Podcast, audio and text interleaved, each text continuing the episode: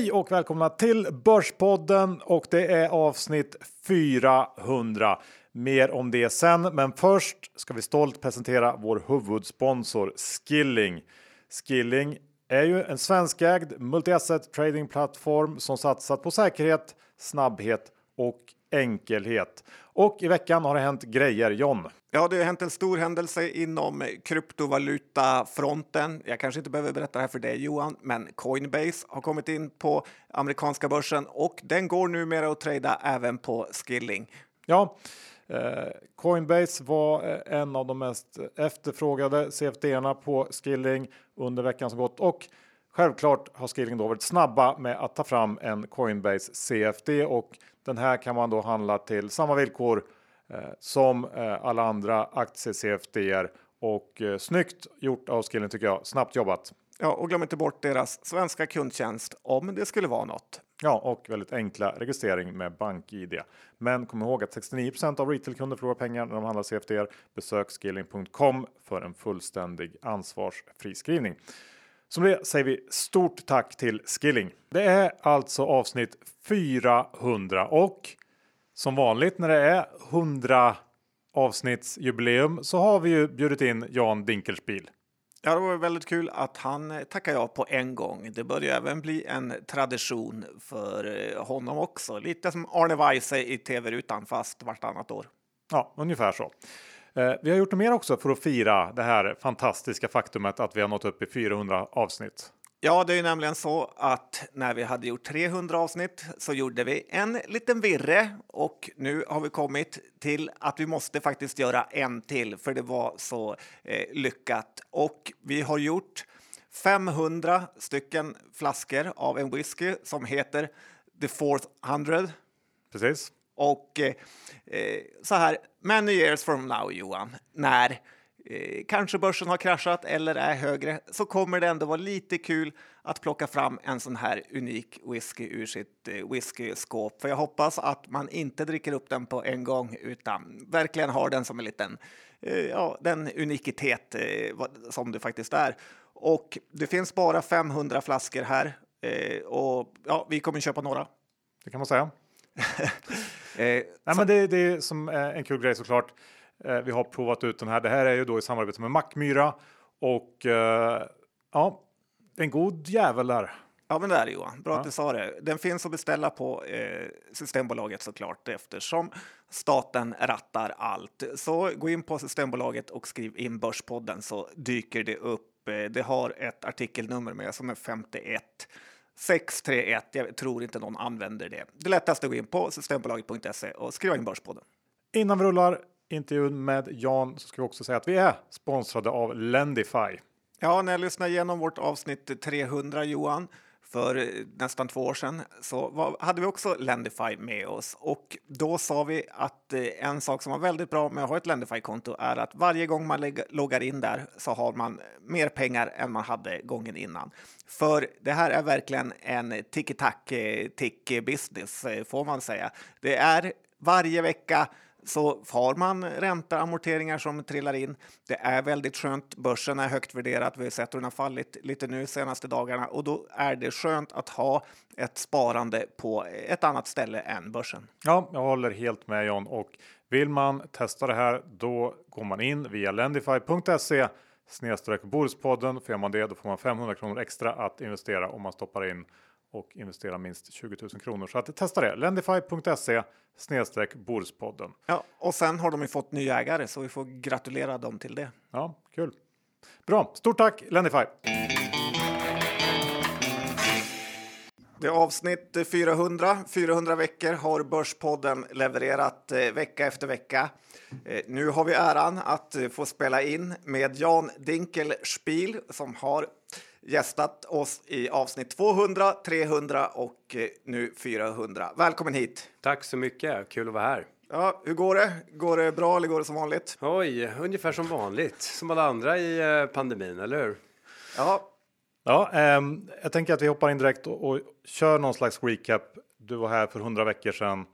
Äh, det har hänt en del sedan dess. Har det? Ja, ändå. Eller? jag, vet, vet inte. inte. Jag tycker livet, eh, liksom småbarnspappa och eh, fotbollsträningar och vi pratade om det kort innan vi satte på. Liksom, eh, då ringde min hustru och sen så var det vem hämtar och vem lämnar och vem kör, kör till det och sådär. Så att eh, tiden, allting går i ett. Men eh, jo, men nog har det hänt en del ändå. Absolut, så är det ju. Nordnet var inte på börsen till exempel. Det var det inte och jag kommer inte exakt ihåg vilken fas vi var i för två år sedan, men då tror jag att vi, det var liksom ganska turbulent, väl fel ord, men säg att det, det, liksom, vi hade kvar att bevisa att vi kunde leverera ett bättre Nordnet i en icke-noterad miljö än en noterad. Men bara för att gå in lite fort på det här noterad och onoterad. Är det inte alltid lite en... eh, Alltså, man vill köpa ut för att tjäna lite pengar snarare än att eh, det är egentligen bättre att vara onoterad. Eller hur, hur ska man tänka Ja. när bolagen säger att Ja, du köper ut för att det ja, passar bättre alltså onoterat? vi, vi, vi, gjorde ju en affär, vi, vi behöll ju våra ägarandelar, hela, hela familjen. Och sen så Nordic Capital då som köpte ut den del som var publik. Eh, de går in eh, för att de vill tjäna pengar, det är självklart. Eh, vi Eh, vill ju också förädla värdet på bolaget, självklart. Men, men, men framförallt så skulle jag säga att, eh, att, att ta den typen av investeringar som vi gjorde när vi var on, onoterade är, är ganska tufft i en, i en, eh, i en publik miljö, i en noterad miljö. Om man tittar på de kvartalsresultat som vi visade upp eh, när, vi var, när vi var borta från börsen så tror jag att de är väsentligt, väsentligt mycket sämre än, än vår huvudkonkurrens. Och att, att, att då liksom hela tiden bli jämförd och så, så är det ett bolag som redovisar 150 miljoner vinst och det andra har gått från 100 till 25 för att du tar sådana kraftiga investeringar. Det är, eh, det, det tror jag är svårt. Då börjar skriverier, negativa skriverier och krisen på Nordnet och sen så börjar social media och kunder börja skriva och sen det, det är liksom eh, tyvärr. Jag önskar att den publika miljön vore, vore den absolut bästa, för det är jättekul att vara noterad. Men jag tror att det är svårt att, eh, att göra stora förändringar där. Men jag tänker på det. Tvekar ni eller var det, kändes det på något sätt lite läskigt någon gång under den här perioden? För att jag antar att det här eh, var och är en enorm del av, av liksom eh, er förmögenhet så att säga. Eller ett stort bett helt enkelt. Absolut. Eh, och ni gjorde stora förändringar och det var väl inte säkert exakt hur det skulle gå. Så där. Hur, hur eh, gick den, de tankarna? Eh, nej men det är jätteläskigt. Men, men, men det var ju inte så att vi någon gång under den här perioden, utöver att vi tog det in, in det från en priv- publik till privat miljö, så gjorde vi alla de sakerna vi önskar att vi hade gjort i en, i en noterad miljö. Så att vi, vi investerade väldigt mycket pengar i det låter ju skittråkigt, i bakändan av produkten, så att det är backen. Och, och vi är inte klara än, alltså det är ett pågående jobb. Men vi har tagit det från en, en infrastruktur, en arkitektur som, som skapades 00 och att göra det till någonting som är redo för 2020 eller 2021. Och det, det är ju extremt mycket jobb som inte syns, men men det var ju när jag då var produktchef på Nordnet, gå tillbaka fem år, så var ju en jättefrustration att när, när vi skulle göra någonting, antingen svara på vad konkurrenterna hade gjort eller göra någonting själva, så tyckte jag i min egenskap av produktchef att det här borde vi kunna vispa ihop på några veckor. Och så sa teknikerna att det här kommer att ta ungefär åtta månader. Hade vi haft en modern miljö så hade det gått på sex veckor, men i och med att det ser ut som det gör så kommer det ta ett halvår till nio månader istället. Det, mm, så, då är man ju död så småningom. Om man hela tiden är långsam i sin produktutveckling så är man ju i slutändan död. Och då blir man en stor bank som sitter kvar med kobol i, i, i, i uh, IT-systemen. Ja, men det är kul att höra att det ligger lite sanning igen då. Att Så det att, är så bra att, så att noterat. svar på frågan är, det, var ju, det är ju, och det, eller var ju, inte är, det var jätteläskigt. Eh, och vi har, haft, vi har gjort en, en hel del bra saker och sen så har vi haft massa tur. Så, och, det, och det blev bra i slutändan. Ja, för lite tur har ni ju haft, eller alla som håller på med aktier, inklusive Börspodden såklart, att eh, det här med eh, pandemin har ju verkligen eh, fått ett uppsving. Hur har du själv hanterat pandemiåret? Oj, eh, nej men eh, om vi tittar utifrån ett så här börsperspektiv så jag sålde, jag satt väl, jag satt väl på, jag var nere i Alperna på sportlovet eh, och eh, och så började då vecka 9 förra året så det är då verkligen paniken slår in, eller hur? Kommer ni ihåg det? Mm, absolut. Var var Satt ni också någonstans? På, jag var uppe i Åre. Uppe i Åre? Jag var i Hassel, jag vill helst inte prata om det för Johan mobbar sig för, med så mycket för den Tier 8 ski resorten. Var var det någonstans? Hassela ski resort. Eh, så, nej, det är kul att prata med Ja. två stekare här som inte två, respekterar en kille från Tre fina Norrland. nedfarter där. Ja. Nej, men då kommer jag ihåg också att man satt och lyssnade i bilen på vägen ner då, att eh, nu kändes det som att börsen kommer kollapsa på Ja. måndag. Och börsen är väl en sak och, och den var, vi satt ju där och titt, loggade in på våra depåer, vi som var där och tittade på vad som hände på, på, på börsen. Men det var också så att man liksom, jag som är ganska orädd av mig och jag tycker inte bakterier är läskigt. Jag helt plötsligt vaknade jag så här tio gånger på natten och bara så här, corona, corona. Alltså jag kunde inte sova. Och jag tror att det var att nu numera är man förälder och så, så här, och det var innan det kom rapporter om att det här inte var farligt för barn och så vidare. Så att jag eh, Det var, det var verkligen så här flashback till, till, ett, till några veckor av, av panik. Fram tills de sa så här, "Ja, ja, men det här, symptomen på barn är, är, är väldigt milda. Eh, privatekonomiskt då så sålde jag väl en del, inte jättemycket. Eh, och så, så hade jag väl nog en del kassa i beredskap också. Och sen så tror jag, utan att ha gått tillbaka och tittat, att jag eh, var ganska bra på att inte hoppa på för tidigt. För det tror jag att jag har gjort under, vad är det, min tredje kris. eh, där man är aktiv på börsen, så här 00, eh, finanskrisen och coronan. Och sen har det varit lite Fukushima och sådana här kortsiktiga saker. Men, men eh, jag tror inte jag gick in för tidigt. Jag blir alltid för positiv för tidigt. Och min bror som jobbar i restaurang eller säljer mjukvara och, och utvecklar mjukvara inom restaurangbranschen. Han var verkligen domedagen och det här det kommer aldrig komma tillbaka. Och jag hade så här Roger Jansson, kommer du ihåg honom? Privatekonomen på Nordnet, Ja. analytiker. Eh, som, som sa att, som, som åkte runt på investerarmöten runt om i Sverige när jag var Sverigechef och sa titta här vad som händer efter kriser. Det kommer alltid tillbaka, alltid liksom JFK och ja, vad det nu är, Kubakrisen, allting kommer tillbaka. Världen vill ju tillbaka, världen vill ju framåt. Så att jag var i den här värsta tiden ändå, ändå eh, optimist. Eh, och jag tror att jag gick in ganska bra när det bottnade. Eh, inte så att pandemin var bra för mig på något sätt, men plus minus noll. Det är lätt att förlora väldigt mycket pengar, även när man liksom börsen har kommit tillbaka, för att man man säljer för sent och man eh, köper för sent helt enkelt. Men då har du ändå varit ganska aktiv eh, på handlandet, Ja. vilket kanske är bra om man är, jag sitter är i alltid- Nordnets eh, styrelse. Nej, det vet jag inte. Jag, det är väl egentligen som styrelseledamot ska man vara så långsiktig och inte agera eh, efter, efter vad som händer i världen. Men, nej, men jag är ganska aktiv, absolut. Men på tal om pandemin så har ju, jag var inne på det nyss, att, att eh, aktiehandel eh, i stort har fått ett uppsving. Både Sverige och glo- globalt med, med liksom Robinhood och, och Forum och allt möjligt. Och man kan ju fundera på hur mycket som är eh, liksom strukturellt och, och hur mycket som är, är någon slags eh, pandemieffekt. Eh, hur går dina tankar där?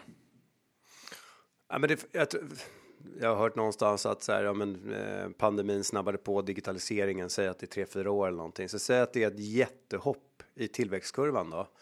Alltså migreringen från så här, icke-digitala plattformar eller, eller storbanker till, om vi tar i vårt fall, till Nordnet och Avanza och alla de andra i, i de andra länderna vi är aktiva i. Den kom ju tidigare, men, men nu i och med att alla satt hemma eh, i kombination med att man inte kunde då, alltså man satt hemma, vad ska man göra? Det var väl en dimension, det andra var att man kunde inte komma i kontakt med sin, sin traditionella eh, rådgivare. Så blev det ju ett, ett enormt kundintag Eh, förra året. Och jag tror eh, att vi har gått från 300-350 miljarder på plattformen till 650 på ett år. Så att, så att de där 300 miljarderna, de kommer ju vara kvar när pandemin är över. Sen, hur mycket kommer folk fortsätta handla aktier när man inte behöver sitta hemma i samma utsträckning som, som nej, inte lika mycket. Men, men eh, vi är ett mycket större bolag idag än vad vi var eh, i februari förra året. Men hur ser du på världen i stort? Då? Det var lite eh, förra gången du var här så eh, pratade vi mycket om bostadspriserna. eh, som hade stått eh, stilla då något år och eh, Günther var helt eh, säker på att eh, de skulle kollapsa. Och eh, du sa eh, direkt att du var väldigt, eh, du brydde dig inte om såna här eh, snillen spekulerar argumentationer som Günther just eh, la fram. Och eh, bostadspriserna har ju bara stigit i princip sen vi var, eh, hade den podden. Ja. Eh, så- Så vad är din vy på världsekonomin? Och herregud, Rätt liten får jag fråga. svara samma sak igen? Att jag inte har någon absolut aning. Nu brukar jag ha rätt oftare än Günther just i det här fallet. Men ehm, Får vi tänka på att han inte är här och kan försvara sig också. nej, exakt. Var lite snälla. Ja, jag, jag, Nej, jag var inte snäll med honom. Ehm, jag har ingen aning, men eh, jag är lagd så här.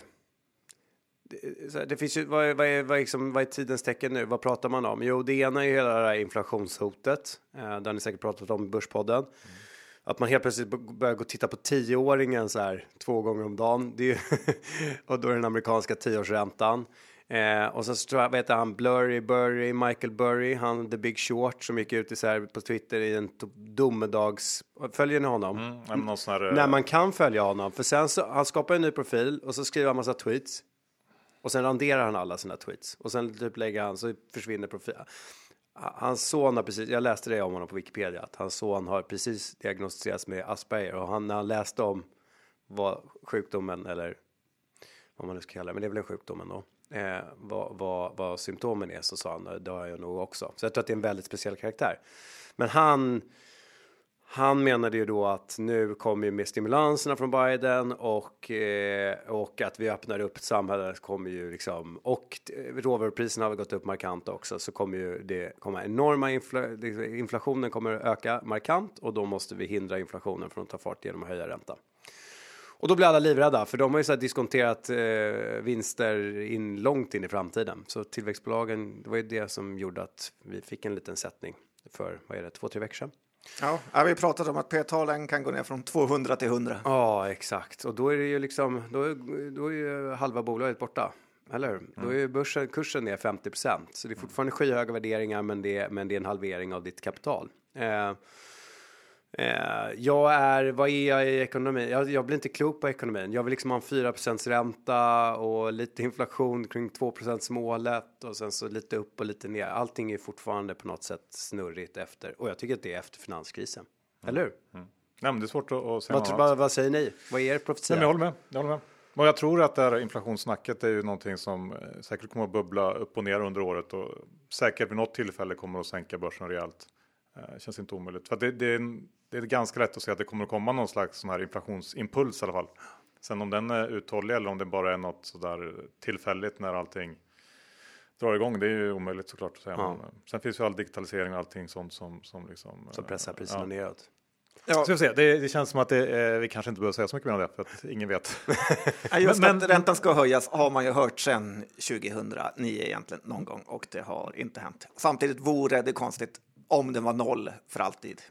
Ja, det är ju konstigt att man kan få, vad var det, SBB som eh, fick negativ ränta eller? Alltså de fick pengar för att låna. Ja, de, På precis, de korta någon Ja, obligation i Finland eller vad det var. Ja, jag såg det. ja. Men, men Det är på, bra. på ett annat plan då, med pandemin. Vad, vad, man snackar mycket om vad, vad man kommer att fortsätta göra eh, och inte fortsätta göra eh, i termer av, av liksom jobba hemma, eh, beteenden och, sådana här saker. ja. Va, vad, har du funderat någonting?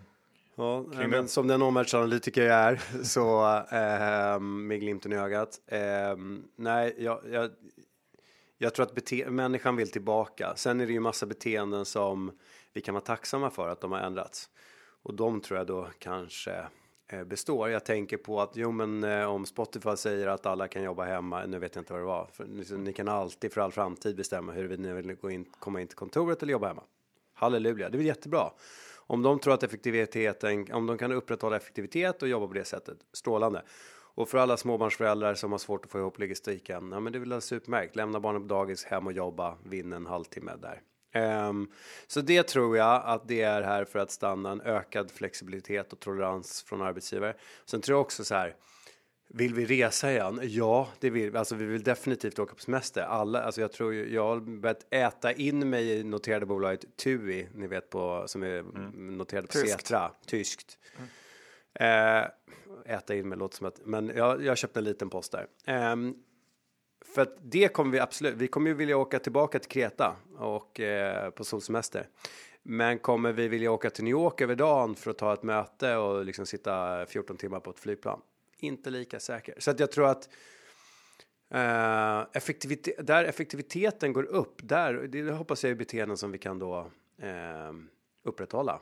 Eh, och, och därför skulle jag inte köpa in men om jag får välja mellan att köpa liksom ett, ett eh, så Starwood Hotels noterade i USA eh, som är recreational, eh, alltså turism, så skulle jag hellre äga det än så här typiska affärshotell, ett Marriott. Okej. Ja, men det är en rimlig spaning. Hur är det på Nordnet då? Får man jobba hemma där om man vill?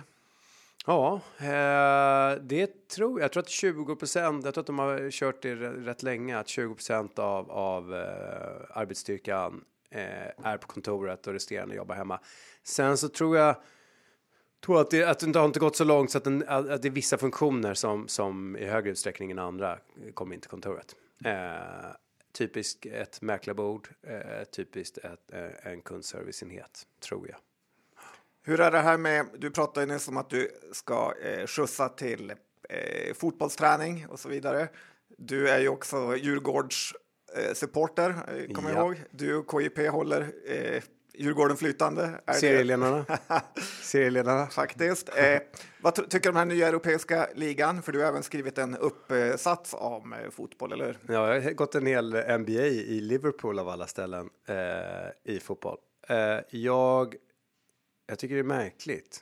Alltså jag, och då menar jag utspelet. Eh, jag har inte läst så mycket, jag läste lite igår när det blev publikt. Eh, så tycker jag så här, men vad är det de är ute efter egentligen? Det är, det är som att förhandlingen inte riktigt har kommit i mål. Det känns som att okej, nu är vi så trötta på fördelningen av Uefa-pengarna eller Champions League-pengarna. Så nu, nu publicerar vi det här så att det blir krig och sen sätter vi oss vid förhandlingsbordet och så får vi mer av, av Champions League-pengarna. Jag hoppas att det är det. Eh, för att nog kommer spelarna sen, om de inte får vara med i VM och EM och eh, i sina eh, inhemska ligor så kommer det ju det kommer ju inte spelarna acceptera. Det kommer ju dra ner marknadsvärdet på spelarna. Så det, det, jag tror att det här är liksom början på ett krig. Det här är inte, jag är inte säker på att det kommer bli en superliga. Jag tror att det här är början på en, en förhandlingsresa. Eh.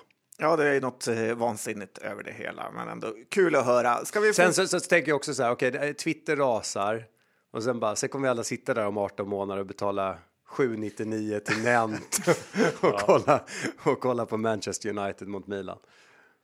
Ja, ja. men visst, det, det ligger en poäng i det. Eh, krypto är också någonting som har eh, seglat upp eh, ordentligt här sista året. Hur, eh, har du någon, någon liksom åsikt om hela det spacet? Alltså jag tog ju ett bett, det är väl min bästa spaning, alltså jag tog ett bett för två, tre år sedan eh, om att bitcoin då när den stod i 20 000 dollar ska stå i en högre kurs om 10 år från det datumet. Så att om 7, 8, 7, 7, 8 år. Eh, och, och med så här, finns det fundament i det? Nej, det finns det ju inte. Eh, men så länge världen säger att den här valutan ska ha ett värde så kommer den ha ett värde. Och allting indikerar ju att fler och fler accepterar att den har ett värde. Så att eh, jag är. Jag vill liksom inte lägga mina pensionspengar i bitcoin. Men jag har lagt lite av barnsparet, alltså mina killars eh, eh, barnspar i bitcoin. Bara för att ha exponering. För jag tror inte. Jag skulle absolut inte ta ett bett på att bitcoin är under 60 000 dollar om 10 år från nu. Vad tror ni? Ja, jag är i ditt läger. Det kan man väl lugnt säga. Jo, du pratar om kursen nej, på du är- 400 500 000. här, Jag, jag tror ju på, på absolut. Ehm, Men har du tagit positioner efter också? ja, absolut. Ja. Ja. Ja, ja kul för dig. Eh, Men, men, men det, det man snackar mycket om nu är ju liksom eh, eventuella regleringar, eller de, de är väl oundvikliga egentligen, eh, givet att det här växer och liksom blir en större del av, av eh, världen på något sätt.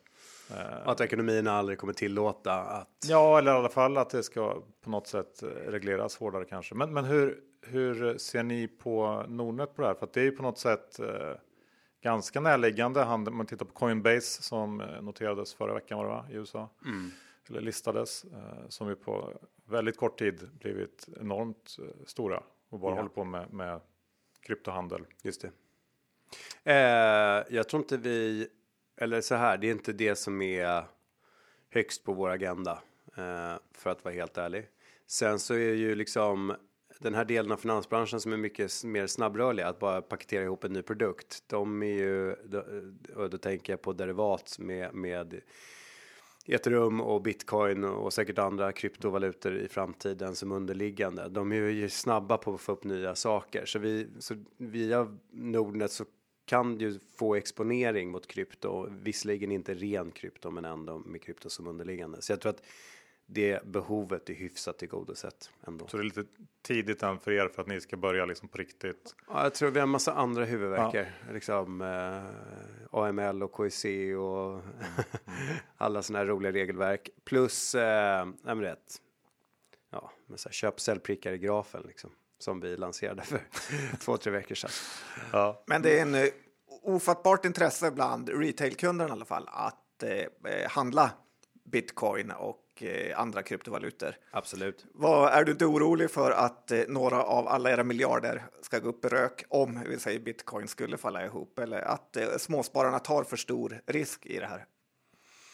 Nej, nej, det kan jag inte säga. Jag, alltså, jag, är, jag, jag, jag bryr mig verkligen om våra, våra kunder och våra sparare, men, men eh, jag tror att så här, människor som, för det första så skulle jag gissa på att den absoluta majoriteten av kunderna har en väldigt liten andel av sina tillgångar i, i krypto, så att det är liksom en krydda i portföljen. Ehm, Eh, och sen så, eh, nej men det är just det. Alltså de, de volatila sakerna har kunderna en tendens att, att inte ta för stor exponering ifrån. Eh, eller i. Och eh, sen finns det säkert, menar, det, det finns garanterat ett gäng liksom 20-25-åriga killar som är eh, säkert eh, liksom bitcoin gånger fem. Men, eh, men de är försvinnande få.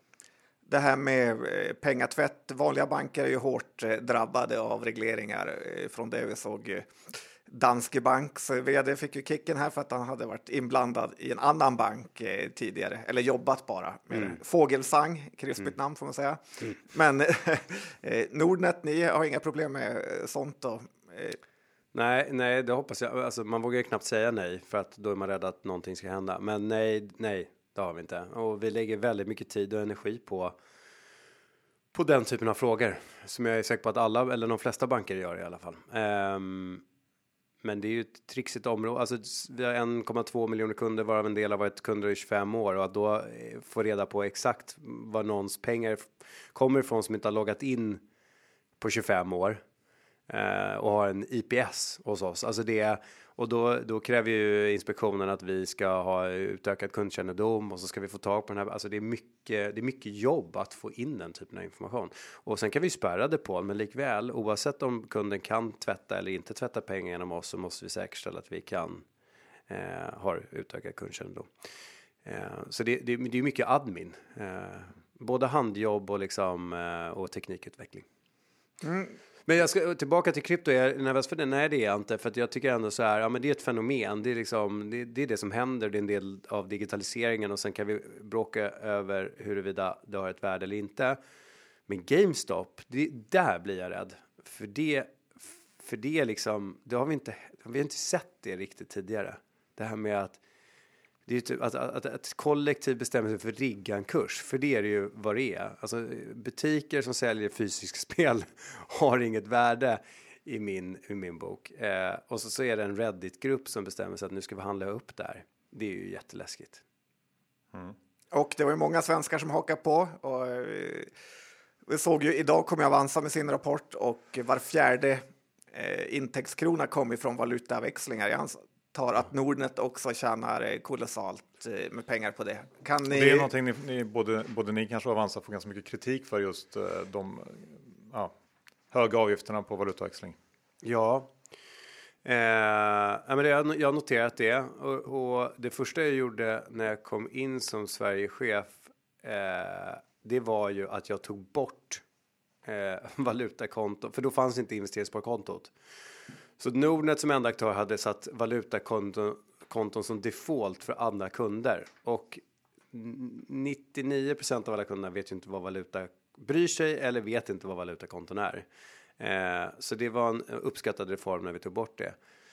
Jag vet inte om det är, ja, är det dyrt eller inte dyrt? Jag tror så här, valutakonton i en ISK skulle ställa till väldigt mycket utmaningar för kunder. Sen så skulle man naturligtvis kunna ha det som ett, för ett, som ett tillval för dem som, som önskar. Absolut. Men är inte avgiften bara för hög? Det är väl det som är ja, men är frågan. Den, är, det, är den jättehög? Vad är det 12,5 punkt i respektive riktning?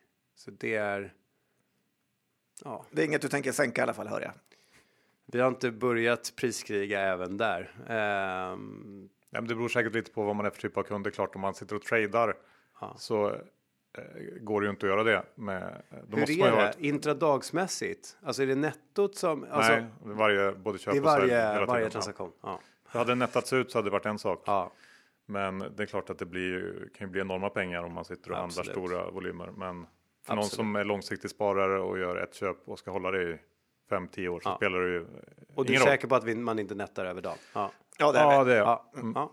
Men berätta, lite, men berätta lite om er vad ska man säga, USP jämfört mot Avanza, att ni är i Norge, Danmark och Finland. För de länderna har ju haft relativt lågt aktieintresse eh, tidigare, ja. men verkligen kommit igång här. Ja, pratar du utifrån ett värderingsperspektiv nu eller? Nej, nu pratar jag som aktiesparare och ja, småhandlare, retailkunder. Ja, men den stora skillnaden mellan oss det är ju att vi bara, så det, det är inget värde för en, om, vi, om det är svenska lyssnare, vilket jag utgår ifrån att majoriteten är ändå. Så har ju vi, så idag är vi i Sverige, Norge, Danmark, Finland. Det är ingen fördel egentligen, det finns liksom ingen fördel eh, som kund att vara. Har det visat sig, men eh, nu så visar det sig att när vi förvärvade Netfonds eh, i Norge så hade de en väldigt uppskattad eh, VP-låneprodukt där där eh, diversifieringen i din portfölj gjorde att ditt, eh, ditt eh, säkerhetsvärde kunde gå upp. Så att om du liksom var diversifierad i ganska många papper eh, så om i, i, utgångsläget så kanske ett, ett värdepapper hade 70% belåningsgrad och sen var det diversifierad så gjorde det att du fick en boost så att det gick från 70 till 75. Och då kände vi att okej, okay, det här är uppskattat i, i Norge och det är faktiskt en ganska fin modell. Då eh, måste vi göra den till alla våra nya nätfondskunder och sen så tog vi ut den i resten av Norden. Så då blev det liksom en innovation från Norge som, som vi gav till övriga kundstock. Och samma sak så läser jag nu, för det är också någonting, det här med växlingsavgifter är någonting som kommer upp en hel del. Men sen är det också det här med källskatt och, och olika bankers förmåga att betala tillbaka eh, källskatten på utländsk utdelning. Och där har vi blivit förvaltarregistrerade om jag förstår det i Finland för att vi är så stora i Finland. Alltså vi är ju eh, den största aktören där. Eh, och det gör att du betalar eh, mycket lägre skatt på dina utdelningar eh, som kund. Som svensk kund eh, med euroinnehav i Finland. Ehm, så det finns faktiskt, det börjar liksom dyka upp lite fördelar och det tror jag är ett uttryck för att eh, eh, om Sverige när vi liksom började etablera stod för kanske 50 till 70% av intäkterna i Nordnet så är det idag, så idag är de andra länderna nästan lika stora. Eh, och det gör att de får mer fokus i produktutvecklingen och det gör att helt plötsligt så tar vi någonting från en annan marknad in i den svenska verksamheten. Mm. Sen i övrigt så tycker jag att vår app är liksom jättebra idag. Vi, Shareville har vi pratat om. Jag har pratat om Shareville till förbannelse både i Sparpodden och eh, även här när jag varit med. Jag tycker rätt utnyttjat så tycker jag att Shareville är fortfarande en fantastisk produkt. Tyvärr är vi liksom vi kan bli bättre på att liksom, förädla produkten så att den verkligen skapar värde för våra kunder. Eh, och sen har vi nu hemsida som är och idag blir allting mer och mer appmiljö ändå, mer och mer med mobilen. Så att, eh. Jag tänker, märker man någon skillnad på eh, hur kunderna agerar i de olika länderna? Är något lands kunder mer riskvilliga än ett annat? Saker och ting, det, det, det, det, det alltså, saker händer ju på, det händer ju saker på fem år. När jag, när jag var på Nordnet så var det, då, då sa man att finnarna älskar cash, liksom, kontanter. Eh, och eh, danskarna älskar sina bostadsobligationer, alltså de är ju bonds, de gillar ju bonds och sina investeringsföreningar som är typ ETFer fast med mycket större spread. Eh, och sen, och norrmännen är liksom lite High Chaparral och liksom risk, eh, belånar sig gärna och mycket i enskilda papper och sådär. Och så svenskarna väldiga, väldigt liksom både aktie och aktietunga och fondtunga. Um, mm, jag tänker som, som, som bolag, alltså, för vi pratade, vi gick igenom lite grann inför eh, noteringen av Nordnet och då var det ganska naturligt att jämföra med Avanza och då var ni väl, och ni är väl fortfarande ungefär lika stora kan man säga, bara att ni har ju de här länderna som inte Avanza har. För er som bolag, vad, vad, det måste ju ändå, tycker jag, kännas lite skönt att ha det lite mer utspritt så där. Det kan ju hända saker på någon marknad och också att de här andra nordiska länderna kanske ligger lite efter och att det kan finnas någon slags eh, ja, outtömd tillväxtpotential där. Så är det. Eh, jag är jätteglad. Om, om, om vi tidigare tyckte att det var jobbigt för att liksom, det är jobbigt att utveckla fyra investeringssparkonton och det gör att det, det blir en sämre utvecklingstakt. Och det, det har ju varit deras fördel, alltså Avanzas har kunnat fokusera på ett land och vi har.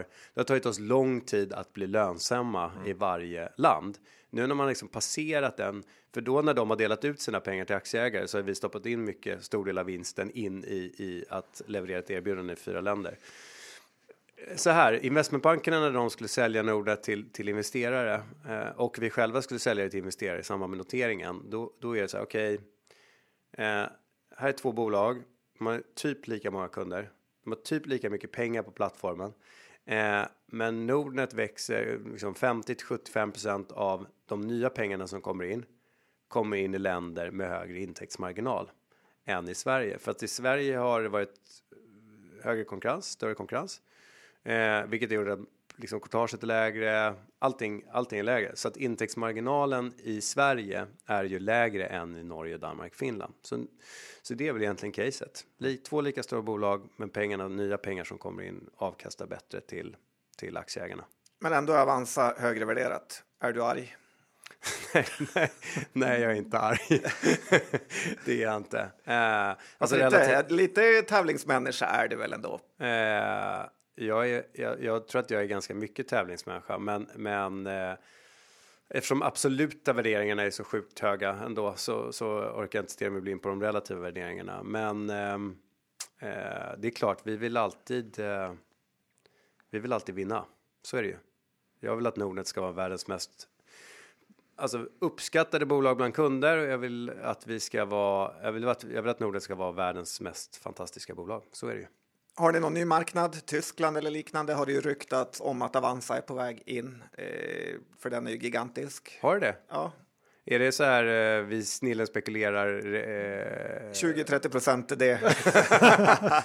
Nej, så här. Eh, vi var ju i Tyskland, vi var i Luxemburg och så sålde vi de verksamheterna. Det tar så sjukt mycket kraft att eh, att expandera. Alltså du kan bli ett interactive broker så kan man, eller så här DiGiro, komma in med liksom en så här, eh, jag ska inte, ja, men de, jag, jag klassar dem knappt som konkurrent längre, men så här, så här dassigt erbjudande, dassig hemsida, kundservice där man ser så här, vi söker kund svenskar i Sofia, alltså Bulgarien som kan prata svenska. Eh, de kom in med en aktiefonder på så var oj så började alla skrika efter en ISK och så utvecklar man en ISK och har de skatterapporter. Alltså, det tar, ska du vara en seriös aktör i en marknad så kräver väldigt mycket tid och energi och pengar eh, att investera i det. Så att, eh, du försöker skrämma bort Avanza nu från? Nej, verkligen inte. nej, nej, nej, men det, det, de kanske, alltså de växer ju så fint. Vi växer ju enormt och de växer enormt. De växer enormt i Sverige, vi växer enormt i Norden. Eh, så är det, så det, det är ingen som så här tycker att det inte finns eh, potential där man, där man redan är. Gräv där du står så att säga. Ungefär så. Men varför är storbankerna så otroligt långt efter? Det är så, alltså det, det, om vi tycker att vi är långsamma, alltså vi tycker att vi vill utveckla, vi vet ju vad vi vill göra. Och ändå så sitter vi på en, på en, på, så har vi liksom så mycket vi måste göra i bakändan och sen så när det är väl gjort så, så kommer det ju hela tiden nya krav. Eh, regelverk kommer, eh, nya produkter, kom, alltså ISK var ju en tidig reform i Sverige, men sen så gjorde de ju en motsvarande i Finland med ett maxtak på 50 000 euro. Man får bara en per privatperson. Jag tror vi tog 70 marknadsandel i Finland. Så liksom, eh, sju av tio eh, faskar som öppnades var i, i Nordnets namn. Eh, det kom ett nytt pensionskonto i Norge. Alltså det görs saker hela tiden. Eh, och de har, för det första har de det att förhålla sig till och snabba konkurrenter. Men sen har de liksom 70 miljarder andra vertikaler som de måste produktutveckla, alltså bolåneprocessen och företagsbanken och det är kört. De, alltså, är det någon jag inte är rädd för så är det storbankerna. Okej, okay, vad kaxigt. Du, du pratade ju, ja, du sa ju att du tyckte att det var ganska höga värderingar på eh, både Nordnet och Avanza. Du har 500 millar själv, kollar jag upp här i Holdings i eh, Nordnet-aktier. Du är inte sugen på att casha hem lite? Du har ändå Nej. hängt med länge. Vi var ju faktiskt tvungna att, att sälja en del av vårt innehav i samband med noteringen. Så att det var en mikro, eller mikro, det var det verkligen inte, men det var en, det var en hemcashning. Som vi, och det var skönt för då kunde vi liksom inte ta ställning till det själva. Så Vad vi gjorde du med de på, pengarna? Vi sålde ju på, vad noterades det på, 90 kanske? Mm, något sånt va? Ja. ja. Så att på 90 och sen nu står den i 165 eller någonting. Vad gjorde du med pengarna du fick lös? Ja, mm, de ligger där och nyinvesterade i annat noterat. Och vill säga icke noterat, men det är framförallt noterat. Vi är denna vecka sponsrade av Infront. Ja, Johan, för oss som är traders eh, så är ju detta lite grann som när fotbollsspelare som Ronaldo eller Messi blir sponsrade av Nike eller Adidas. Eh, det är nästan konstigt att de ens eh, betalar oss för det här. Ja, jag ser mig mer som Zlatan i och för sig, men jag förstår liknelsen. Och Infront erbjuder en handelsapplikation, eh, faktiskt en handelsapplikation som vi själv använder sedan flera år tillbaka för att bevaka, handla och ja, helt enkelt analysera börsen. Och om man nu vill handla under rapportperioden som drar igång här i dagarna så vill vi slå ett extra slag för deras applikation Infront Active Trader. Den erbjuds av de flesta nätmäklare och eh, banker där ute. Och ska man rapporthandla så bör man ju också ha tillgång till nyhetspaketet Direkt Premium med alla flashar så att man får de absolut senaste nyheterna. Och allt det här går att testa kostnadsfritt genom att gå in på infrontfinance.com bullspodden och sen klicka sig vidare till en testperiod via sin bank eller nätmäklare. Ja, är man rapporttrader och extremt intresserad av börsen så är det i princip tjänstefel att inte ha tillgång till ja. det här. Ja, verkligen. Och jobbar man i finansbranschen så kan det också vara värt att spana in Infronts erbjudande när det gäller bland annat applikationer för marknadsinformation och verktyg för aktieanalys, lösningar för elektronisk handel, eh, portföljsystem med mera. Det finns också ett Investor Relations verktyg som är bra. Så att gå till infrontfinance.com Borspodden. Det var alltså infrontfinance i ett ord.com Borspodden. Stort tack till Infront! Innan, innan vi släpper över måste vi också prata om lite vad du har för aktier i portföljen. Yes. Mm. Nej, men eh, min stora in, stö, ett större innehav är ett bolag som heter Inmode. Jag har pratat om det i olika kanaler på Twitter och på, på uh, Shareville. Uh, känner ni till dem? Nej. Nej. Nej. Jag har hittat dem via Shareville, så någon, någon av de duktiga profilerna som jag följer har en gång köpt in sig och det är lite så jag jobbar på den plattformen. Jag följer eh, profiler som har haft bra avkastning över tid. Vem gillar du mest? Av profilerna? Ja. Alltså det finns någon som heter Hotbild som är jävligt. Han är ju eh, riktigt psykiskt sjuk. Ja, också hört att han... Det är en jävligt eh, eh spännande eh, investerarprofil. Eh, jag tror att jag tycker Alltså jag var extremt imponerad av en, en profil som heter Morlor. Eh, och det finns en väldigt spännande story kring det, men det, det, jag är inte säker på att jag kan dra det. Så att eh, vi kan hejda det, så kan vi ta ett samtal efteråt så kan jag se om jag får återkomma till det. Eh, sen finns det någon som heter Trin som har varit superskicklig. Eh, Tobio som är superskicklig. Eh, Oxel har tråkigare innehav, men jag måste säga att jag är imponerad av hen också. För att eh, liksom, ja, nu är det Telia och Note som är de stora innehaven, men eh, i perioder är det tillväxt. Alltså det, för att i och med att allting har gått upp så mycket så är det ju svårt att veta. Kommer en Tobio som då är exponerad mot, vad är det, Sedana, Cellink, Synthetic MR. Låter som Labull det där. Ja, Labull finns, ja, ja exakt, väldigt lik Labull. Så antingen så är det bara någon som säger, som tar rygg mm. på Labull. Oavsett, eh, det är de. Men tillbaka till Inmode då. Så, så är det ett bolag som gör maskiner som kliniker, alltså skönhetskliniker runt om i världen. Vart har du noterat? I, på Nasdaq. Men det är israeliskt amerikanskt så att det är liksom. Jag tror att HQ är i Israel. Och sen så är det med stor verksamhet i USA och de säljer alltså människor som vill få eh, finare hy eh, och finare underarmar och magar. Alltså de har maskiner för alla, alla delar av kroppen. Funkar det då? Eh, och det är med radiofrekvens. Alltså det, Det är som man spänner på sig och sitter och... Ja, du har någon maskin som Vibrerar. in så här mikronålar eller alltså fråga mig inte om tekniken. Jag bara vet att de, de växer liksom. De växer med ungefär eh, 50 till 70 procent per år så att nu om, kommer de från om de omsätter 200 miljoner dollar eh, 2020 så säkert 300 350 85 till 90 procents bruttomarginal 50 till 60 procents ebit-marginal nettokassa på typ 300 gissar 350 miljoner dollar och så så här ev ebit på vad kan det vara nu 45 när det har gått upp när kursen har gått upp 100 procent. Um, så de stod i 20 när eh, alltså när mars eller 15 tror jag till och med de var nere på när mars eh, eh, alltså när, eh, under krisen. Mm och nu är de i 85. Så det är, ett, det är ett stort innehav och det är också så här. Jag försöker, jag vill komma in i ett läge där kanske portföljen består av 5-10 bolag med jättekoncentrering, bolag som jag, som jag egentligen skulle våga logga ut ifrån över en 5-10 års period och sen liksom kunna logga in igen. Ja, men InMode var kul, vad jag aldrig hört förut. Nej. Eh, Både jag och Johan blev lite tagna på sängen. ja, vad, vad har du mer? Neckar är en ny liten eh, sak som jag har fått upp ögonen för. Just det, det är en sån här Twitter-favorit också. Ja, jag tror det. Eh, och det var där den dök upp. Den dök upp i något flöde liksom. Ge mig bo Ja, ni ser dem ibland. Du vet de här som säger så här, ett bolag med ett kort argument om varför jag ska titta djupare på det. Och då var det långt ner i den eh, Twitter-tråden så var det Neckar som är ett norskt bolag säljer eh, lyft, eh, lyft, eh, lyftutrustning till dockor, alltså så här hamn, hamndockor.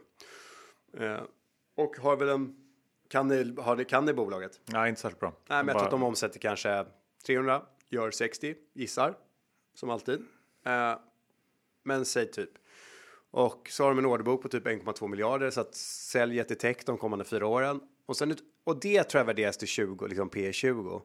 Men sen utöver det så har de något SaaS-bolag, Vad he- säg vad det hette igen. Neckar, E N-E-K-K-A-R. Sen har de någon SaaS-bolagsverksamhet som väx- växer ganska bra, ganska litet men växer bra. Och det, SaaS älskar ju marknaden och värderar upp högt. Och sen har de även två utvecklingsprojekt. Eh, Det ena är mot hela den här fiskindustrin. Eh, som är både inte jättemiljövänligt tror jag. Och det kräver rätt mycket bemanning. Alltså du ska ut och serva de här grejerna. Så det här är en självreglerad sån eh, fisk och odlingsprodukt. Eh, eller bur kallar Känns man det. norskt. Känns norskt. Och det tror jag är bra. Liksom. Och så med något partnerskap med Liröj eller hur man uttalar det. Eh, och så lite så här norska eh, innovationspengar på det. Så det är liksom en stor sexig framtidsoption. Och den andra är att de kan någon mekanism för att eh, bygga vindkraftverk både på land och i havet på ett väsentligt mycket mer eh, kostnadseffektivt och eh, miljövänligt sätt. Och det, där fick de precis massa funding från Innovation Norge för det också. Och så så här stark huvudägare som träger 30 inte så mycket free float. Eh, det har gått från 2 till 11 tror jag. Och jag försökte köpa in mig på typ 8 nivån, men den bara liksom, ja, det här var bara en månad sedan och den bara drog, drog, drog. Nu är den väl på 11,50 eller något sånt där. Eh, och så tittar jag framför mig. Sen är det ett bolag som, som där jag hörde av mig till, jag vet inte, ja men det får man väl göra. Jag hörde av mig till ordföranden och sa att så här, jag tycker ert bolag, det här är ett, ett, ett bolag i Norden. Jag behöver inte säga namnet på det, för det är liksom inte klart än. Och så att jag tycker ni ser fina ut, men ni, är verkligen, ni har inte jättebra balansräkning och behöver ni tillväxtkapital så, så, och gör en riktad emission så hör av er. Och så vi ska ha ett möte nu i april och då ska vi diskutera det och så hör vi av oss efter det. Men sen har kursen gått ja, typ 100 procent på typ ja, sex veckor. Sen så, stod, eh, så att det är inte liksom om caset var sexigt när jag skickade meddelandet första gången så är det inte riktigt lika spännande längre. Sen om jag tittar vidare, ska jag fortsätta? Gärna. Ja, det är därför eh, lyssnarna är, Det är därför du är här. påkopplade. Det är därför jag är här, eller? Sen så eh, köpte jag in mig det här Fraktal, eller Fractal. Just det, datachassin. Ja. Eh, och då kan man säga så här, ja men det är ju så här jättepandemidopat och, och det är det ju. Eh, men jag tycker ändå så här, Eh, det är inte P80 liksom, utan det är väl P25 och eh, egna chassin och fläktar för gaming, alltså för gamare. Eh, I eget varumärke och så med massa distributörer, dis- distributörer runt om i, i hela världen. Jag tycker det ser, det är liksom, och jag tror på, och jag har fått höra att ledningen är supersolid och, och bra och sådär. Så att det tycker jag också är spännande bolag över tid, bara ligga kvar där. Det Ja, det säkert kan man ju ner- haft en liten svacka här sen. Sen Det noterar jag, det kom ju ut och så blev de pikade väl på 80 va? Och sen så var de nere på 45-50 eller någonting. Ehm, men eh, Lite är liksom komponentbristvarning kanske, eller? Nej, är det det? Alltså de är ju bara så här plåt tror jag. Jag tror, men däremot så är det möjligt att eh, liksom byggarna saknar. Exakt, det är bara liksom kåpan. Ehm, har jag något mer roligt? Jag, faktiskt, jag är inte riktigt stolt över den, för den liksom, men jag, jag har köpt in mig i Lemonade också, känner ni till det? Noterat på Nasdaq. Nej. De är så här disrupter av, av försäkringar. Eh, och som allt annat så tittar du liksom på siffrorna där så är det bara så här, men hur kan det vara värderat? Men jag har bara tagit ett bett på att Lemonade är det bolaget som har knäckt nöten för hur du ska expandera eh, försäkringar geografiskt. Så de liksom, de har gått från 500 000 kunder till en miljon kunder i USA förra året.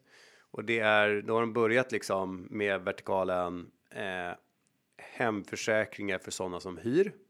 Och så massa, och så liksom superdatadrivet så att de får låga premium och så, så ja, ni fattar. Ett så här liksom typiskt eh, Palo Alto-bolag. Och sen har de gått in typ i husdjur, så det är liksom inte så här vi ska göra allting med hem, utan de hittar var kan vi skapa konkurrensfördel? Och sen så uppenbarligen så har de liksom superexpansionsplaner för de är redan inne i Holland, Frankrike och Tyskland. Och då köper inte jag det på, alltså kan de som knäcker den här, knäcker försäkringsbolagen globalt, och det menar inte knäcka att de inte kommer existera, men de, kan det bli Robin Hood inom eh, inom, inom försäkringar.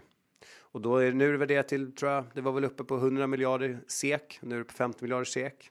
Och jag kan inte försvara det på något sätt genom siffror. Det, det, om man ska analysera den här portföljen lite så känns det som ändå som att du, du har liksom sökt ut i världen. Eh, lite här och där. Det är Israel och det är liksom norska bolag med optioner och eh, det är eh, startups i USA. Det är, Så är det. Så är det Och absolut. så kul att komma hit och bli ägd av dig med bolag vi inte ens hört Nej, talas om. Det känns som att du får komma hit oftare än vartannat år. Ja, men vad är det i Sverige? Vad är era små favoriter för tillfället? Firefly? Jag, jag har hört eh, eh, fint. varje år. Händer aldrig någonting. Exakt. Så att det, Nej. Nej, men eh, idag är det du som är gäst. Eh, ja, Ja, men jag, det- vill bara, det- jag vill bara veta vilka, vilka era liksom, eh, pratar ni om era tunga innehav? Det gör ni? Eller hur? Ja, alltså det gör vi ju. Ja. Eh, även om vi försöker vara försiktiga med, med Bara ett lackmustest? Ge- Hit me! Så får jag Nej, men du var inne på, jag, jag har ju varit mycket krypto-kille här på slutet. Ja. Ehm, och lite spelbolag och sådär, Kambi, hängt med länge. Men mycket har ju gått så mycket så att det är svårt att känna sig superentusiastisk tycker jag. Ja. För, för någonting egentligen. För en evolution. Eh, nej men bara att det, det ja. Ja. Nej, men det Man får ju liksom det. betta på att det blir ännu galnare i så fall. Ja. Generellt menar jag. Nej, det är väldigt svårt att hitta tillgångar där man tänker så här, åh, jag må, alltså man blir nyfiken på att läsa på mer. Eller hur? Ja. Det är liksom första tecknet. Man bara så här, du ser ett bolag, en värdering, en verksamhet och sen börjar du liksom titta in lite. Och ofta blir det så här, men det här går ju inte. Nej. Och så kollar man kursgrafen så är det liksom tio gånger på ett år. Exakt. Så det, det, jag vill snarare att man kanske har lite kassa nu och hoppas på, någon, in. någon typ av farthinder här under året. Ja, det är också ett råd får man ju faktiskt eh, säga, att inte vara all in hela tiden. Och eh, det är ju eh, ofta då stora möjligheter eh, skapas faktiskt. Eh, ska vi fortsätta Johan med kanske titta lite på rapporterna som har varit här? Du har ju eh, visat oss stora fina världen, men vi kan väl titta lite på, på rapporterna som har varit här i eh, ja, de senaste dagarna, bara för att höra vad du tycker om dem eh, och liksom hur du skulle agera. Och även eh, har du en del av de här aktierna i din Sharewill-depå som är... Där ser man. Ja. då, då borde jag känna till dem alltså. Vi kan börja med Byggmax som kom med eh, rapport idag. Vad säger du om eh, den? Ja, då drog jag ut, eller jag drog inte ut, men någon annan drog ut mina, min sons tänder. Så att jag såg att den var positiv, för jag såg att kursen gick. Men eh, det, Byggmax är roligt för jag har faktiskt dunkat in den i min så kallade tråkportfölj på Shareville. Eh, och då använde jag börsdata som någon typ av screener och sen så var det Ja, så ville jag bara titta på omsättningstillväxt och, och liksom ändå hyfsad utdelning och då kom de högt, vilket var ju fint. Sen är ju det kan man ju hävda att det är coronadopat. Eh, men berätta, vad har hänt? Det gick bättre än väntat uppenbarligen. Ja, det var ju en enorm bit jämfört med vad analytikerna förväntar sig. Q1 är ju ett eh, litet kvartal för Byggmax eftersom eh, kunderna bygger altanerna och grejer på eh, sommaren främst. Eh, men man väntar sig ett minusresultat på kring 50 miljoner och de kom in kring nollan. Så att eh, man hoppas väl på att eh, Q2 kommer bli ett eh, monsterkvartal och lite kan jag tänka mig här att eh, det kommer bli det eftersom resandet har ju verkligen inte kommit igång. Folk är hemma plus att man vaccinerar folk som gör att man kanske vågar vara ännu mer aktiv och vågar gå i butiker. Så att det är möjligt att Eh, Byggmax har fortfarande några väldigt, väldigt fina kvartal. Vi vet ju att de här Alcur och andra eh, hedgefonder har ju blankat att man ska tro att det är toppen. Jag vet inte om de tar in aktier idag eller vad. Ja, jag som... vet inte, jag skulle, ja. Har de blankat Byggmax? Ja. Ja, men jag tror de är de enda som är officiella storblankare eller publika. Men jag, jag tror lite så här sälj news kvartal här ändå. Det här var ju liksom superbra, men de skriver också i, i rapporten i morse att, att um, Eh, Q2 förra året var ju det, det kvartal som blev absolut mest positivt eh, liksom påverkat av pandemin. Mm. och jag tror de växte 40% nästan förra Q2. Så att det, det, eh, ja, jag tror att det finns lite så här. Nu, nu blir det tuffare jämförelsetal. Uh, sen kan man ju säga att det fortfarande ser ganska billigt ut om man tar liksom rullande EPS och så här. Det, det är ju billigt. Men frågan är hur mycket. Det här är ju ett sånt här bolag som det kan vara ganska mycket pandemieffekt i ändå. Mm. Och att det kan vara lite trist att äga aktien eh, liksom under, under de kvartalen när, när jämförelse mot vinden blir som störst. Tror jag i alla fall. Um. Men vad är det, de direktavkastar 3,5-4 procent eller? Ja, ungefär. Mm. Så att, ja, det är ett uh, svårt case och det visar väl alla blankarna här. Uh, Sandvik kommer rapport idag Johan, berätta lite om den. Det var precis innan vi gick in här. Ja. Ja, men den var ju också bra såklart, bättre än, än uh, väntat. Men ändå, det är ju som alla de här verkstadsrapporterna, det är ju så väntat att det ska bli bra. Uh, nu slog de ju på resultatnivå bara liksom knappt uh, över och sen lite bättre, ganska mycket bättre orderingång. Jag vet inte hur den, den var ner lite grann när vi gick in här och det tycker jag är en ganska rimlig eh, reaktion. Att, eh, de pratade också, såg jag lite grann om, om att eh, första kvartalet inte har varit särskilt påverkat av den här komponentbristen men att eh, det kunde bli mer problem längre fram under året. Så att jag tror det är samma sak där. Liksom. Generella känslan nu kring alla rapporter är ju eh, lite så här sell the news tycker jag. Om man ska sammanfatta verkligen generellt. Mm. Ja, det, det är bara att titta på vinstvarningarna, Nordnet, Avanza. Det är lite samma känsla. Det kanske inte har gått ner direkt, men, men det är ganska uppkört inför. Mm. Och vi har haft enormt många vinstvarningar också. Länge, jag kan inte komma ihåg omvända att har haft så många. Ja, omvända vinstvarningar. Ja inför den här rapportperioden. Så jag, att, kan eh, aldrig, jag tror aldrig jag varit med om så många. Ska vi ta upp några här som har kommit? Det är ju Bilia, det är Kesko, Nilarngruppen, ABB, Volati. Eh, något du har fastnat för, Jan, av dem? Bilia har jag ägt ett tag. Eh, vilka var det mer? Ja, det var Volati, Nilarngruppen, eh, som, är klädd. Ja, Nilarn har väl alla varit och ute um, nej, inte Volati tror jag att jag hade i Shareville-portfölj, alltså den här, den här som tog rygg på andra uh, ett tag men inte längre. Nej. Men kan du inte berätta lite om här, eftersom ni gjorde en omvänd vinstvarning, ja. hur snacket går då? För jag antar att det är styrelsen som eh, beslutar om det, eller? Eh, ja, så här. Eh, vi, redan när vi liksom förstod att eh, konsensus skulle ligga rätt mycket under eh, var vi skulle landa så, så så snuddade vi vid det vid senaste styrelsemötet. Sen så eh, var väl vårt intryck att eh, att alla analytiker skulle revidera upp sin estimat. Så de kom ju liksom någon, någon vecka, två, tre veckor innan själva rapporten så går de ju ut med någon typ av flash eh, där de liksom skriver upp det. Men masserar ni något av analytikerna som man säger? alltså, att det kanske hintar att Det, det, hoppas kommer... jag att vi inte gör. Jag kan bara, jag kan bara säga, jag hoppas inte vi håller på att skicka ut massa signaler, eh, för det vore ju liksom att ge för mycket information. Så att det, det nej, svaret är nej, det gör vi inte. Eh, och sen kommer Avanza upp med sin och så kände vi att okej, men nu kommer de ju revidera upp våra siffror ännu mer. Eh, och därför så var det ju ett så här huruvida vi ska eller inte. Så, så valde vi ändå att gå ut och, och göra det för att vara på den säkra sidan. Men kände du lite ju som- besvikelse när aktien gick i princip ner på Nej, alltså aktien, aktien stod väl 150 när Avanza vinstvarnade och då gick mm, Nordnet upp till 170 och sen så när vi släppte nyheten så gick den ner till 165 eller något sånt där.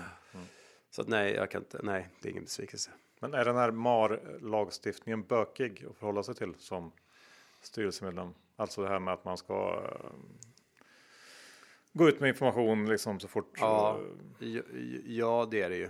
Eh, Och kanske lite otydlig också. Ja, men det sätt. var absolut. Nej, den, nej, jag tror inte att den är så ganska. Så, så fort vi sitter på någon typ av information som vi tror är kurspåverkande så ska vi, vi måste väl liksom släppa denna. ehm, Men ligger det liksom, eh, är det upp till er då att, för det kan ju också vara svårt att veta vad som är kurspåverkande kan jag tänka.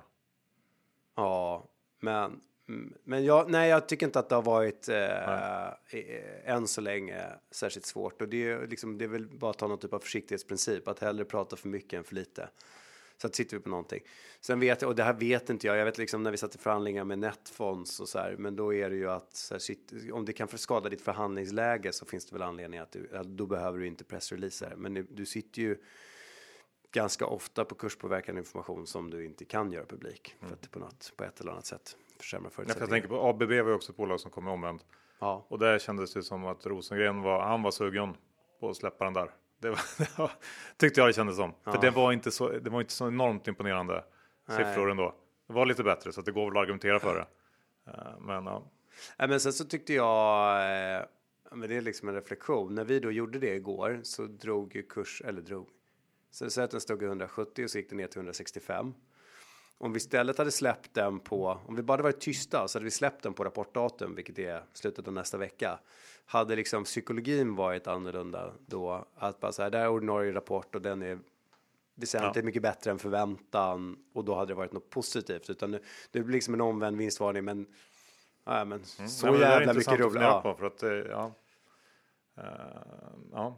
Då kan vi säga så här, om kursen går ner, hade vi behövt vinstvarna då?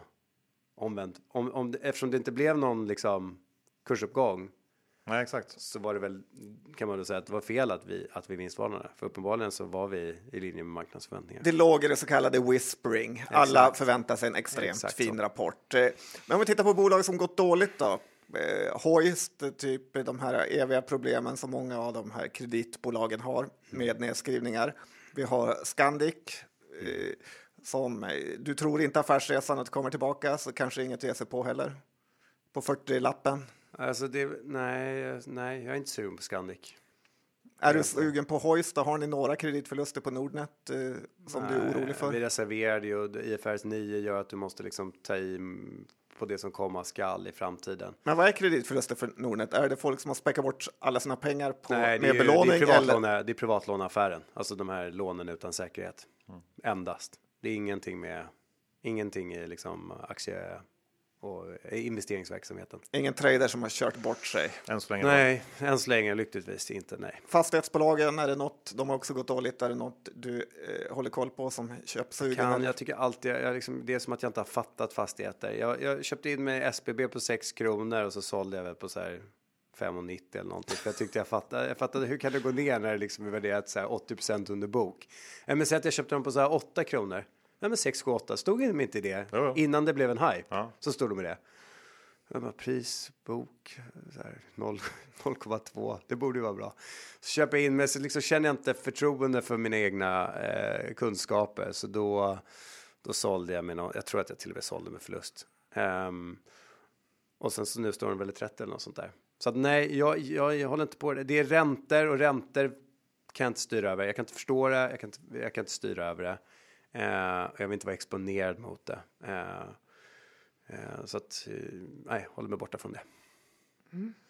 Ja, men då har vi köttat på här och det är väldigt kul Absolut. att du har spenderat en timme vartannat år med Börspodden. Det är väldigt trevligt. Det du har inga snabbt. planer på att dra igång eh, någon egen podd eller synas Jo, lite mer eh, publikt? Det Günther finns ändå en efterfrågan. Günther och jag var faktiskt på Clubhouse igår i ett eh, supersamtal om eh, att eventuellt dra igång en podd. Jag är lite eh, så här, det här tycker jag är Gör inte jättekul. det för vår skull.